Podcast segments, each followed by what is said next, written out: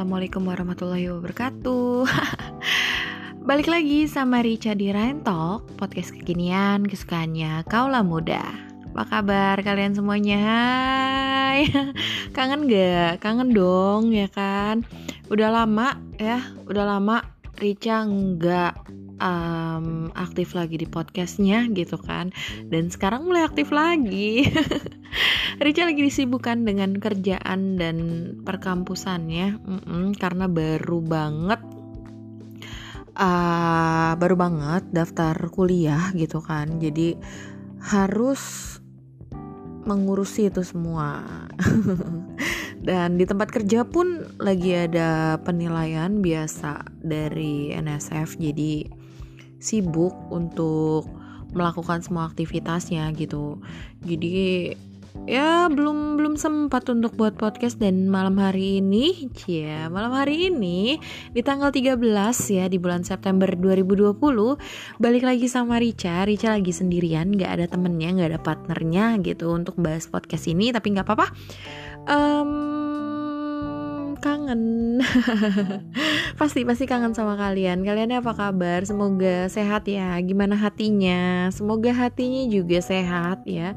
Nggak ada um, sesuatu yang membuat kalian tersakiti tapi kalaupun ada gitu ya belajarlah untuk mengikhlaskan walaupun sulit tapi paling enggak itu adalah untuk kebahagiaan kalian juga gitu.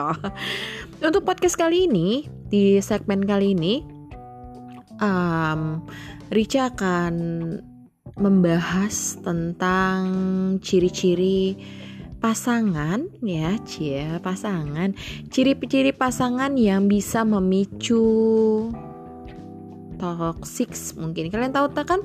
Toxic relationship. Mungkin tahu ya hubungan toksis kalian tahu pasti tahu. Nggak mungkin enggak gitu. Dan aku akan ngebahas ini gitu. Um, mungkin pasangan yang dapat memicu hubungan nggak sehat ya atau bisa juga disebut dengan toxic relationship gitu memiliki ciri-ciri tertentu yang emang misalnya kalau diabaikan sikap pasangan toksik dapat merubah hubungan gitu kan dapat merusak hubungan kita gitu uh, dalam sebuah hubungan khususnya percintaan idealnya satu sama lain itu harus memiliki komitmen kan ya untuk saling menyayangi, untuk saling menghormati dan mengasihi gitu kan. Namun kadang hal sebaliknya justru terjadi sehingga hubungan sepasang kekasih gitu menjadi tidak sehat. Banyak orang mungkin ya pernah atau bahkan kayak sering ngalamin hubungan yang gak sehat kayak gini gitu kan. Dalam istilah zaman sekarang nih ya kita bisa kenal bisa tahu ya namanya itu sebagai toxic relationship istilah toxic relationship ini uh, merujuk pada sebuah hubungan yang ditandai dengan perilaku-perilaku dalam tanda petik ya beracun yang berpotensi uh, merusak fisik maupun emosional diri sendiri atau pasangan kita gitu. Jika dalam hubungan yang sehat didominasikan oleh kasih sayang gitu kan dan saling menerima, maka toxic relationship adalah kebalikannya. Di sini Dika akan membacakan dilansir dari Health Shock Health Scope hubungan yang berubah menjadi toxic relationship didominasi perasaan gak aman, didominasi perasaan egois, dan keinginan untuk memegang kendali itu biasanya ya. Kondisi ini bisa menyebabkan berbagai resiko serius bagi pasangan yang terlibat. Sebagaimana dikutip dari headline, ada beberapa ciri yang menandakan suatu hubungan telah menjadi toxic relationship Salah satunya kurangnya dukungan dari salah seorang pasangan dan komunikasi yang beracun seperti sering adu mulut kayak gitu. Selain itu, rasa ingin mendominasikan hubungan, cemburu yang berlebihan, dan gak jujur itu juga uh, menjadikan ciri lain yang menandakan kalau hubungan sepasang kekasih itu telah menjadi toxic relationship gitu. Selain itu nih, Potensi hubungan percintaan menjadi toxic relationship juga dapat diketahui dari sikap atau karakter masing-masing pasangan. Nah, berikut Richa akan mem, uh, membacakan atau akan menginfokan atau akan memberitahu ya ini dari Health Scope. Jadi Richa akan menginfokan ada 8 karakter pasangan yang berpotensi menciptakan hubungan beracun sebagaimana telah dirangkum ya oleh laman dari headline. Oke. Yang pertama itu adalah sering mencela dan meremehkan. Pasangan toksik jenis ini punya tujuan kuat nih untuk menjaga harga dirinya agar pasangannya itu tidak menentang kontrol absolut yang ia inginkan. Oleh karena itu, ia akan gemar atau akan mudah meremehkan, mencela, serta kadang bisa mengolok-olok pasangannya, bahkan melakukannya di depan umum gitu. Ya, dia akan terus menganggap bahwa apa yang dipikirkan dan dikerjakan oleh pasangannya sama sekali nggak berharga Sebaliknya, ia akan merasa apa yang ada pada dirinya jauh lebih berharga dari pasangannya. Jika mendapati pasangan yang seperti ini, sebaiknya kita mulai berhati-hati. Mentolerir perilaku itu cukup lama, mungkin bisa membuat Anda atau membuat kita atau kalian semua percaya bahwa kita tidak bisa membuat keputusan yang baik. Yang kedua, temperamen buruk. Ya, perilaku ini sering kali berbahaya gitu. Lebih-lebih karena tanda kutip di luar, dia akan terlihat seperti sosok yang santai, menyenangkan, dan disukai banyak orang. Namun di depan kita justru sebaliknya gitu dia bisa begitu mudah tersulut emosinya karena permasalahan sepele, tetapi dibesar-besarkan, bahkan sampai menjadi perdebatan yang serius dengan pasangan gitu. Ada kalanya dia akan mudah emosi bahkan untuk masalah yang sama sekali nggak jelas. Sekaligus merasa menjadi yang paling menderita dalam menjalin hubungannya gitu perdebatan gak produktif dengan pasangan yang memiliki temperamental temperamental buruk, temperamen buruk, jelas banget akan menyita banyak waktu serta akan memberikan beban emosional dan bahkan beresiko mengganggu kesehatan mental kita. Jadi kalau kalian punya pasangan seperti itu, kalian punya hubungan seperti itu, itu artinya kalian sudah masuk ke toxic relationship. Apa yang harus dilakukan?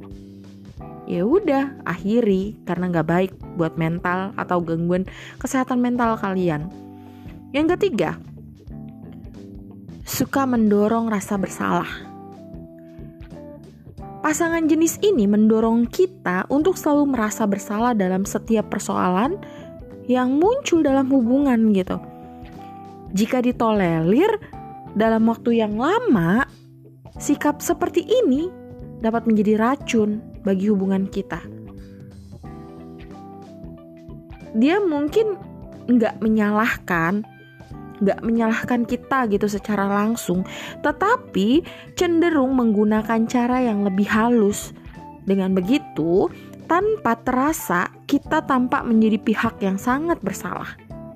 Pasangan seperti ini jelas berbahaya Dampaknya dapat ngebuat kita nggak bisa memberikan keputusan-keputusan alternatif dalam hubungan karena selalu terkurung rasa bersalah. Jadi kalau kalian punya pasangan seperti ini, sudah tahu apa yang harus kalian lakukan. Yang keempat, deflektor.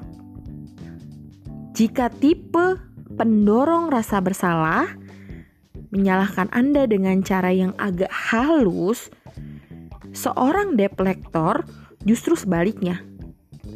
Orang seperti ini cocok disebut si tukang menyalahkan.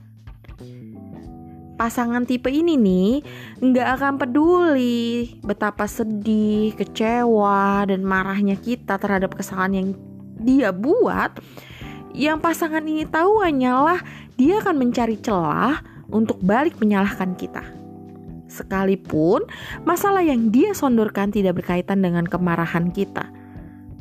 Si debt collector bakal terus berupaya menunjukkan bahwa dirinya yang bersalah.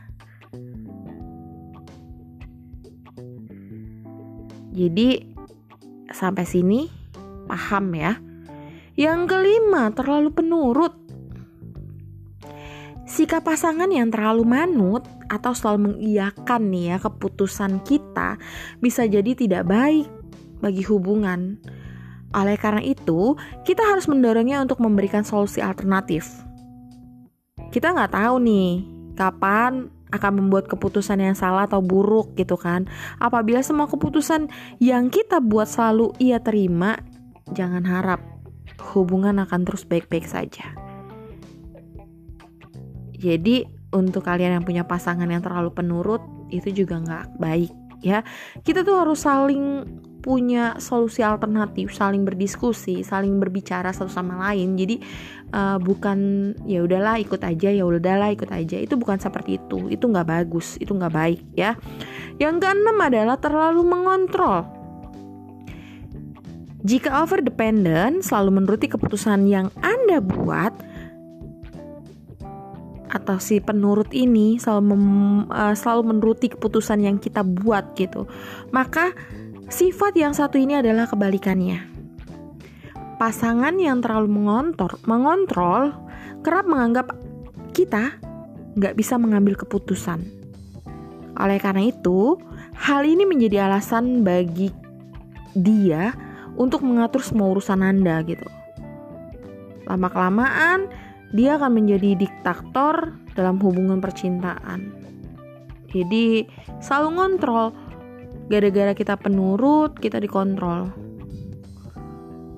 Dan mau gak mau, kita harus mau gitu. Itu gak baik juga. Yang ketujuh, tukang memanfaatkan.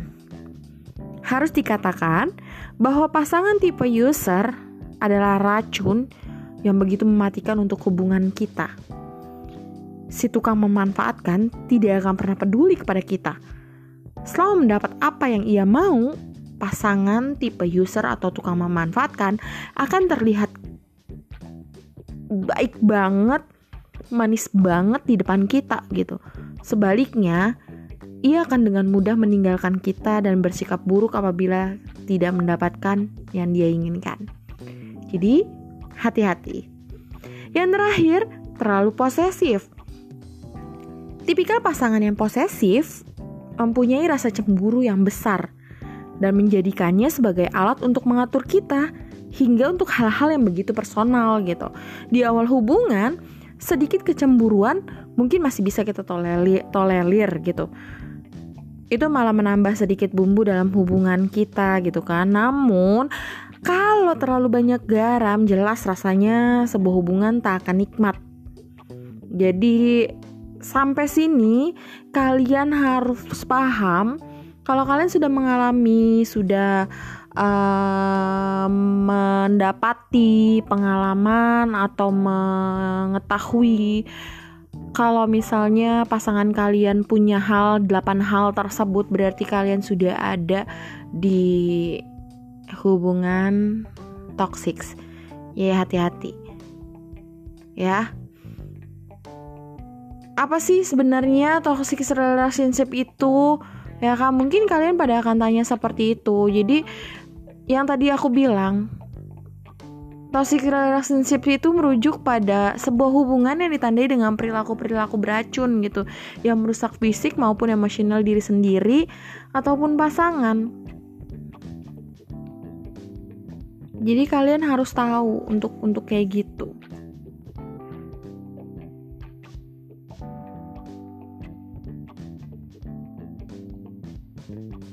Terus ciri-cirinya tadi udah aku bilangin.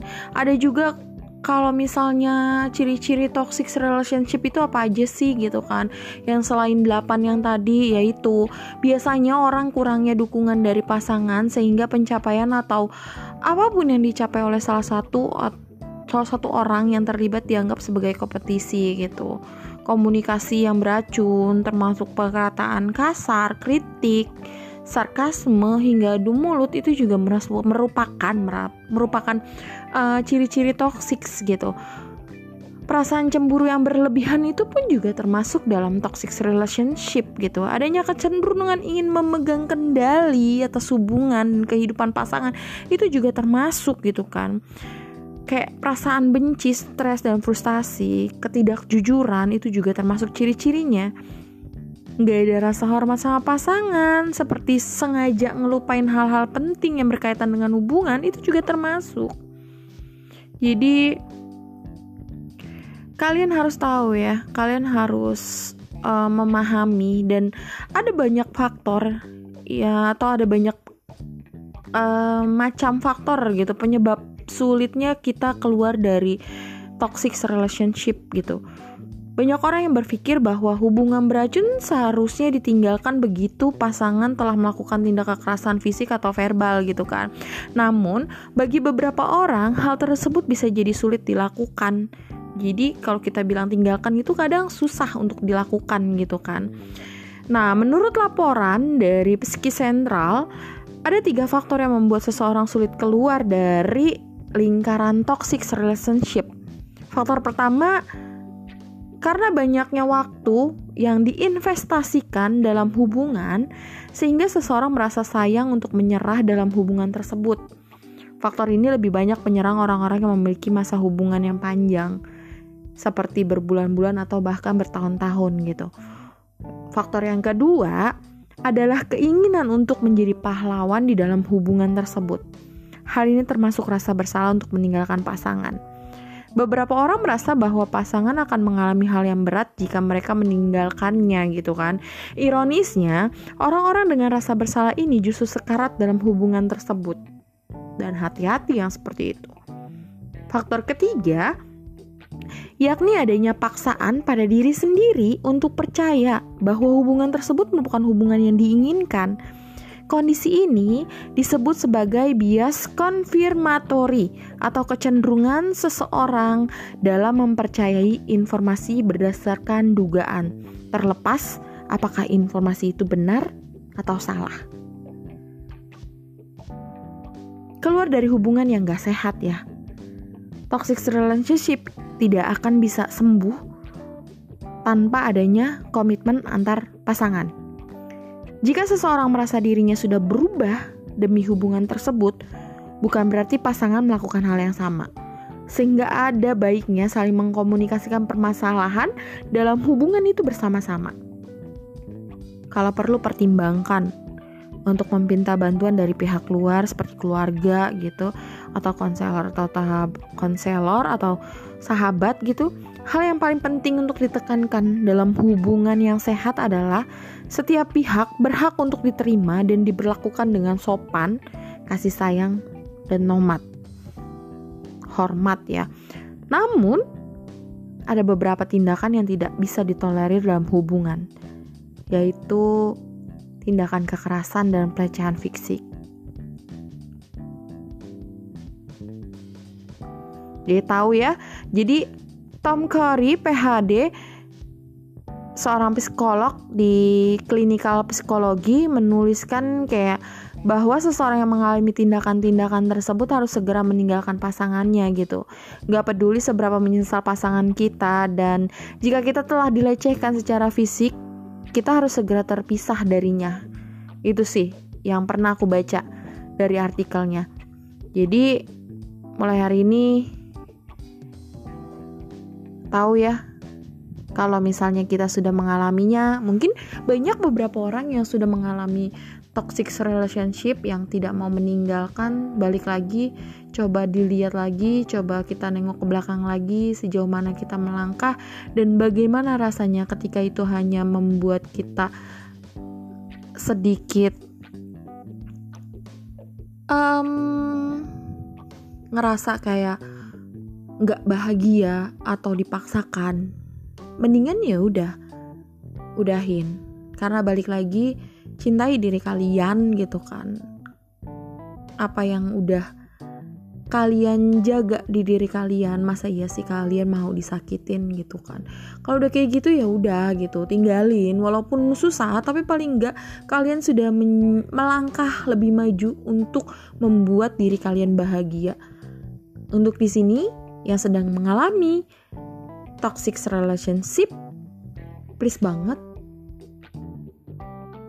mending yuk bareng-bareng kita saling introspeksi diri, kita saling memandang pengalaman kita sendiri di belakang itu seperti apa, sudah menjadi seperti apa, apakah itu adalah keberuntungan dalam menjalin hubungan itu atau hanya kerugian yang kita dapat. Jadi mulai sekarang lebih pintarlah jangan mentang-mentang perempuan yang katanya perempuan itu selalu menggunakan hati tapi paling enggak perempuan juga punya pikiran dan bisa melakukannya dengan logika. Mulai sekarang ketika ada hubungan relationship atau uh, iya kok hubungan relationship? Hubungan sama relationship sama ya. Ada toxic relationship da, uh, toxic gitu dalam hubungan kalian gitu. Mendingan ya udah diudahin aja Oke, sekian podcast kali ini dari Rica. Kurang lebihnya mohon maaf kalau ada kata-kata yang belibet, mohon maaf karena mungkin terlalu bersemangat ya. terlalu bersemangat eh, ngoceh-ngoceh bareng apa ngoceh-ngoceh sendiri dan udah lama banget nggak buat podcast juga, jadi udah kangen. Uh, kurang lebihnya mohon maaf kalau ada kesalahan kata, kalau misalnya kalian kurang mengerti uh, nanti akan next podcast selanjutnya akan bahas tema-tema yang lain ya. Semoga kalian suka. Semoga ini bisa menjadi pelajaran buat kalian juga. Uh, undur diri pamit.